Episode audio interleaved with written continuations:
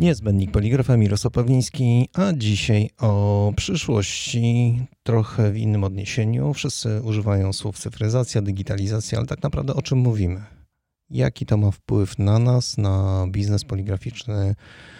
I właśnie o tych tematach e, będziemy rozmawiali z Łukaszem Żarneckim z firmy Heidelberg. Witam Cię Łukasz bardzo serdecznie.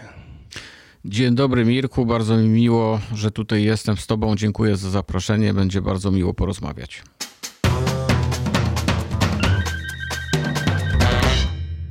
Cyfryzacja, digitalizacja, drogi Łukaszu. Co ty o tym wszystkim sądzisz? Dziękuję Ci za pytanie tak postawione, dlatego że mm, jadąc tutaj, oczywiście myślałem o temacie cyfryzacji jako niezwykle istotnej rzeczy, która w tej chwili zmienia nasze życie. Natomiast tak postawione pytanie odnosi się do tego, co ja o tym myślę, czyli mm, nasuwa mi od razu mm, sugestia, abym powiedział o tym, co ja o tym myślę prywatnie, nie jako przedstawiciel Heidelberga. No, temat jest bardzo szeroki i pewnie tego w kilkanaście minut się nie wyczerpie, a może to też nie wszystkich by interesowało. Niemniej jednak no, na kilka rzeczy bym z chęcią chciał zwrócić uwagę i później odnieść się do, do spraw też zawodowych, do spraw naszej branży, branży poligraficznej. Zobacz, jak pandemia wszystko zmieniła, prawda? Jak przyspieszyła nagle wszystkie procesy, które, e, których się nikt nie spodziewał. Wszyscy mówili, ok, prezentacje, siedzimy przed monitorami, po co się spotykać, przecież można zrobić online, wszystko fajnie. Tylko pandemia pokazała, że nagle wszystko łup i to jest jedyna droga rozmowy, widzenia się z kimś.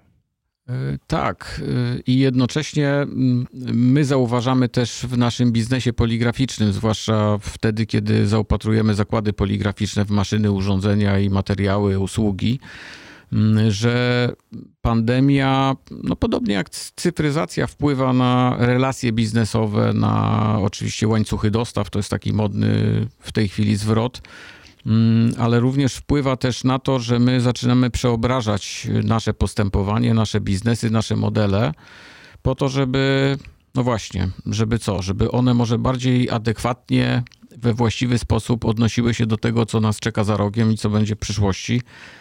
E, w związku z, no nie dajmy, nie, nie ukrywajmy, w związku z rewolucją cyfrową, tak to trzeba nazwać w tej chwili. No, wystarczy przyjrzeć się mediom społecznościowym. Nagle ożyły i to niesamowicie. E, tak. E, ja ostatnio sprawdzałem i porównywałem sobie dane, które miałem w głowie z 2018 roku. Minęły 3 lata i w tej chwili z chęcią bym przytoczył może dwie cyfry, może trzy cyfry. Na świecie w tej chwili jest e, w granicach 7,8 miliarda ludzi, prawie 8 miliardów ludzi. I z tego mm, użytkowników internetu jest mm, w tej chwili około 50%. Natomiast y, jeśli chodzi o użytkowników y, mediów społecznościowych, to ich jest w tej chwili prawie 60%, co oznacza, że jest wzrost y, w granicach 10% przez ostatnie 3 lata. Czyli, czyli chcę powiedzieć tylko, że mm, ilość użytkowników internetu nie rośnie tak gwałtownie jak użytkowników mediów społecznościowych. I to na pewno wpływa no, na wszystko, co nas otacza yy, i wpływa też na naszą działalność zawodową. E, wystarczy też się przyjrzeć, jak to wpływa na poszczególne pokolenia. Bo, bo zauważ, że to pokolenie, które no, powiedzmy, do którego ja się zaliczam, to, to trochę nieco starsze, jeżeli nie miało takiego kontaktu z, z internetem, z komputerami, z oprogramowaniem, z IT, no to już dzisiaj ma kłopot e, w dostrzeganiu tego wszystkiego, co dzieje się dookoła nich. Natomiast ci, którzy przeszli tą drogę i mieli okazję to wszystko dotknąć, niejako bawić się tymi urządzeniami, a teraz nawet na nich pracować, no to radzą sobie wyśmienicie. Natomiast e, młodzież zupełnie tak. co innego. Tak. Y, zastanawiam się, czy, czy nie było tak zawsze w dziejach ludzkości, tak naprawdę. To znaczy, czy nowe pokolenia w momencie, kiedy się świat zmieniał, kiedy działalność człowieka na Ziemi się zmieniała, e, to czy te nowe pokolenia też e, w ocenie starszych rodziców i dziadków e, no, nie były określane jako takie, że nie wiadomo, co to z nich wyrośnie, prawda? I teraz, jeżeli byśmy powiedzieli, że dzisiaj mamy taką chyba no trzecią rewolucję w dziejach świata, rewolucję cyfrową. E, a wcześniej mieliśmy rewolucję agrarną, rewolucję rolniczą, później przemysłową. One zmieniły diametralnie e, życie człowieka na Ziemi. No w tej chwili w dobie cyfryzacji mamy sytuację podobną. Ja pamiętam, jak wchodziły komputery osobiste w latach 80., czy bardziej później w latach 90. już do domów, to wtedy się mówiło o tym, że co z tej młodzieży wyrośnie, jak ona przestanie kopać piłkę na podwórku, tylko będzie siedzieć przy grach komputerowych e, po domach, prawda? E, dzisiaj e, e, zwróć Mirku uwagę, że chyba nie ma w debacie publicznej, gdzieś w przestrzeni w ogóle dyskusji na ten temat. Jest dyskusja na temat tego, co będzie z tym nowym pokoleniem młodzieży, które już urodziło się i wychowało na internecie, w dobie internetu, prawda, z komórką czy z urządzeniem mobilnym w ręku. Nie przeraża cię to? E, przyznam szczerze, że nie. E, dlatego że mm, jak obserwuję swoje własne dzieci, gdzie oczywiście towarzyszyły mi takie obawy, e, co to będzie, jak one podrosną, mm, a w tej chwili one są już dorosłe, więc e, no, widzę w jaki sposób jednak udało się, żeby ci młodzi ludzie no, mieli jakiś, jakąś swoją wizję tego, co chcą robić. Mm, I po prostu wykorzystują te, te, te zdobycze mm, nowych technologii do, do tego, żeby sobie organizować życie w, w taki sposób, jak chcą. Ale poczekaj, bo tak patrząc zupełnie inaczej na naszą branżę poligraficzną, to zobacz, ile różnych e, projektów przeszło bezpośrednio do sieci online. Ile tytułów prasowych zostało zamkniętych. Teraz masę książek przecież możesz e, po prostu wysłuchać w czasie jazdy, zamiast siedzieć i czytać. Choć jakość czytania zawsze jest lepsza od tego, co słyszymy, podobno. No, wiesz, to jest ryzykowne stwierdzenie, zwłaszcza, że w tej chwili rozmawiamy i prawdopodobnie ktoś będzie nas słuchał właśnie może jadąc samochodem, a nie czytał. Ale, ale wiesz, jest pocieszające to, że oprócz tego, że hmm, słucha, to będzie mógł to przeczytać u nas na naszych łamach, także to jest jednak połączone ze sobą.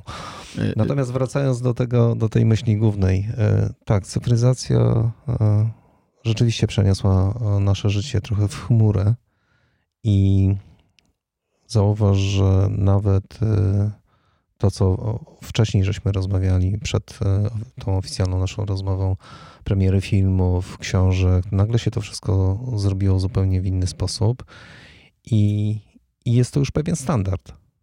No, Właściwie, nie? Niektóre rzeczy tak, ale niektóre nie, bo y, ostatnio zetknąłem się z takim artykułem, y, wywiadem właściwie z y, przedstawicielem czy, czy właścicielem wytwórni filmowej Paramount Pictures, który krytykował w znaczny sposób to, że dzisiaj premiery nowych filmów jednocześnie w kinach pojawiają się w online w internecie, w, w tych mediach streamingowych typu Netflix. E, on to krytykował. Krytykował dlatego, że człowiek starszej daty był przyzwyczajony do promocji, która pochłaniała no, grube miliony dolarów. Trwała pół roku po to, żeby nakręcić y, y, publiczność, która później masowo pójdzie do kin, będzie kupować bilety. E, oczywiście to po prostu wynika, w mojej ocenie, wynika po prostu z tego, że, że no, czyjś biznes jest zorganizowany wokół właśnie y, tego typu schematu. I w momencie, kiedy to się zaczyna wymykać, kiedy wchodzi to nowe, on tego na początku nie rozumie, neguje, wypiera, e, e, i później nie bardzo znajduje sposób na to, żeby się do tego dostosować, no to właśnie zaczyna krytykować to. I w tej chwili odnosząc to do e, naszej branży poligraficznej, ja bym powiedział, że jest podobnie, bo ty powiedziałeś o, o książkach, o zagrożeniu płynącym z internetu, o tym, że, że, że tutaj o tym się dużo mówiło i mówi. Faktycznie tak jest, ale ja przyznam szczerze, że byłem bardzo podbudowany, kiedy zetknąłem się z wynikami e, badań, które, w których uczestniczył Heidelberg. E, badań dotyczących tego, w jaki sposób e, człowiek, umysł ludzki, zwłaszcza u młodzieży, uczy się. To znaczy, Chodziło generalnie o to, jak kilkanaście lat temu był taki trend y, wywodzący się ze Stanów Zjednoczonych, aby w szkołach zastępować podręczniki tabletami. Mhm, Czyli no, pamiętam no, to. Prawda? Chodziło o to, żeby te dzieci nie nosiły ciężkich cegieł ze sobą w plecakach i żeby nie musiały tam z tymi książkami ciągle mieć do czynienia. E, no ten eksperyment, który do szkół wchodził w Polsce również on się nie powiódł, ale z tych badań, o których wspomniałem, wynika właściwie to, że umysł ludzki y, i jego proces uczenia się polega na tym, że on przyswaja wiedzę w lepszy sposób, już nie wchodząc w szczegóły, z mediów drukowanych, a nie z mediów y, elektronicznych. Jest to taki eksperyment robili Koreańczycy i wyniki doprowadziły do tego, że szybko wrócili do książek tradycyjnych. I to oni pierwsi chyba, wiesz co, ponad dekadę temu coś takiego robili. Tak, y, także to jest, to jest jedna rzecz ciekawa. Druga rzecz, na którą chciałem zwrócić uwagę, to jest na przykład to, że co mnie tak uderzyło, y, że my dzisiaj praktycznie tak mi się wydaje, nie posługujemy się w takim y, potocznym, takim zwykłym życiu instrukcjami. Przecież kiedyś, jak nagle zmienialiśmy telefon albo, albo telewizor, to musieliśmy użyć instrukcji po to, żeby się dowiedzieć, jak to włączyć, jak ustawić, jak to zaprogramować. No w tej chwili właściwie mm, te wszystkie urządzenia są podobne do siebie, na przykład w domu audio, wideo, czy w gospodarstwie domowym i chyba bardzo rzadko się sięga do instrukcji. Tak humorystycznie powiem ci, że dostałem ostatnio instrukcję do swojego aparatu fotograficznego e, i niestety nie jestem w stanie przejść przez tą instrukcję, ale tylko dlatego, że jest e, tak drobnym e, pismem wydrukowana, że musiałbym użyć do tego lubki. Znaczy jest ta instrukcja, jest ten manual, nie da się tego przejść, natomiast na stronach internetowych tak, znajdujesz wszystko, co chcesz, potrzebujesz bez dwóch zdań.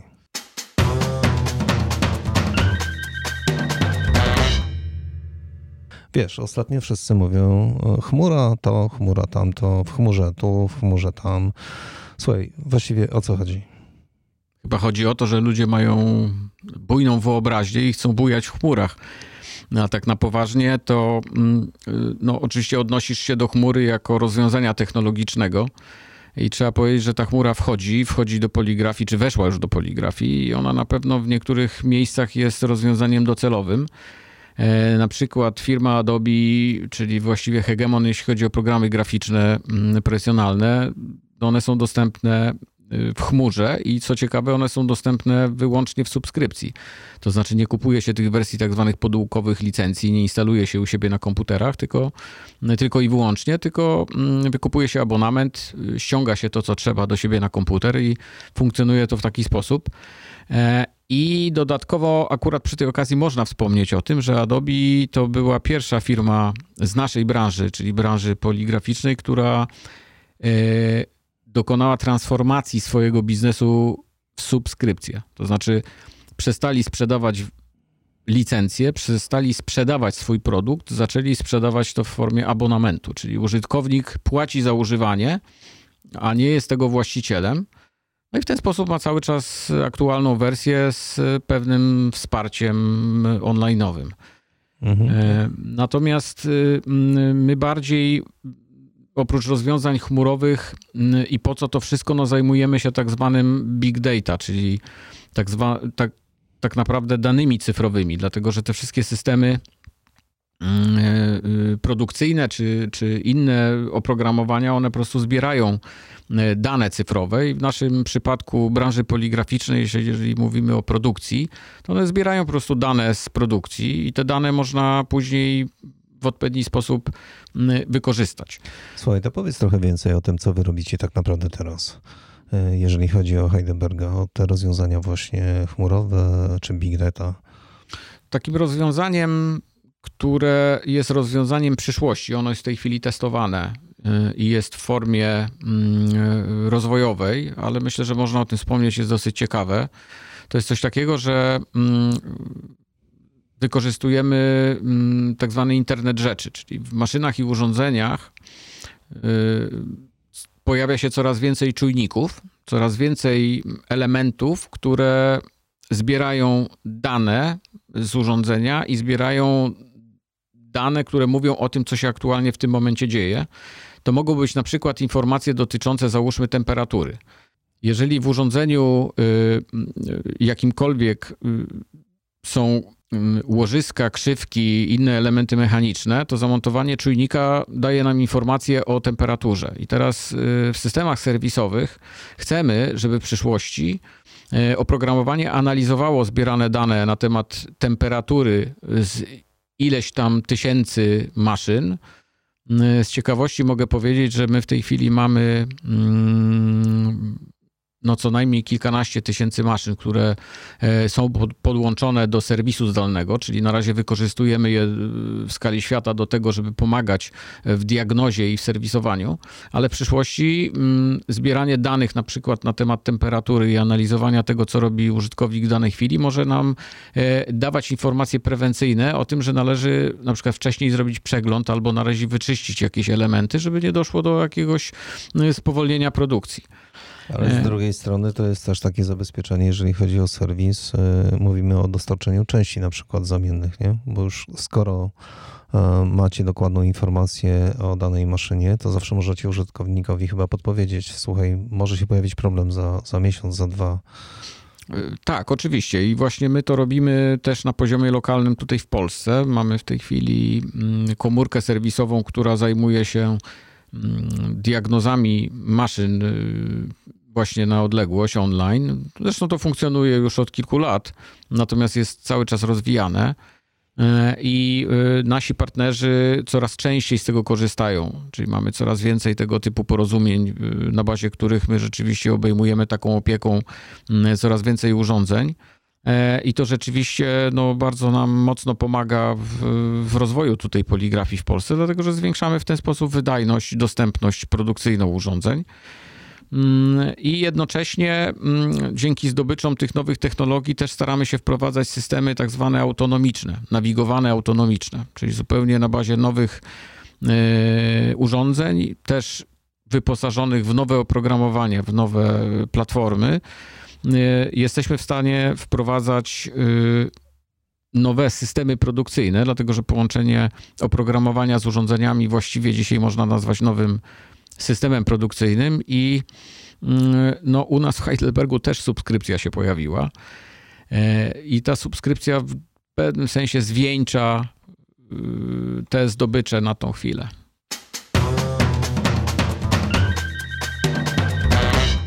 Wszystko fajnie, ale użyłeś słowa autonomiczne, więc e, pewnie pojawia się robotyzacja, większy przepływ danych. Słuchaj, y, no dobrze, to w którą stronę to tak naprawdę zmierza?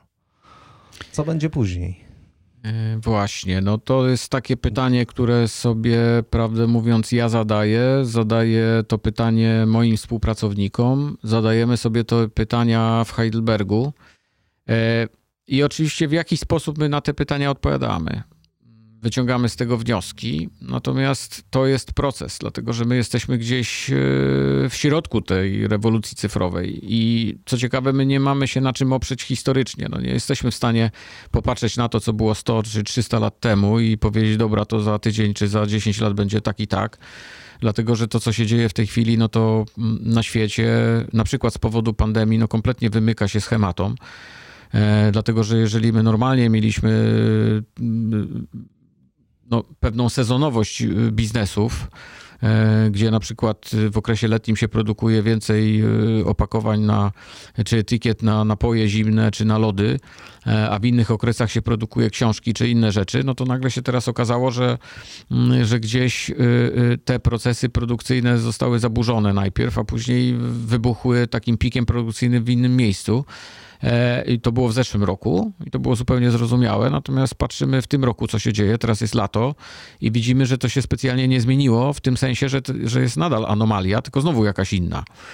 E, więc teraz to, co będzie dalej, no, sięgając niedaleko, ja bym powiedział, że można mówić o pewnych y, y, zasadniczych zmianach. Popatrzmy na, y, na taki model web to print no to my wszyscy wiemy, co to jest web to print, ale przecież web to print wszedł tak naprawdę do poligrafii powiedzmy 20 lat temu zaczął wchodzić.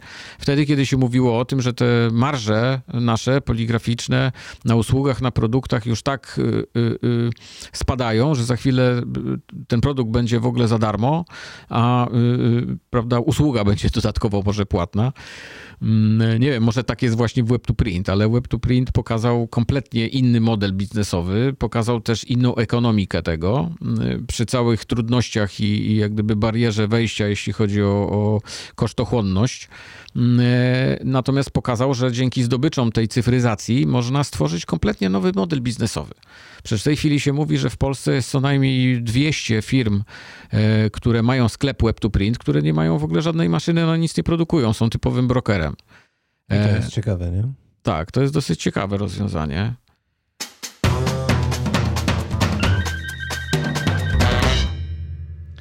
Naszym gościem Łukasz Żarnecki, Heidelberg Polska. A ja nazywam się Mirosław Pawliński. Słuchaliście niezbędnika poligrafa Studio 3 po 3. Do zobaczenia, do usłyszenia kolejnym razem. Tej rozmowy ciąg dalszy jeszcze będzie.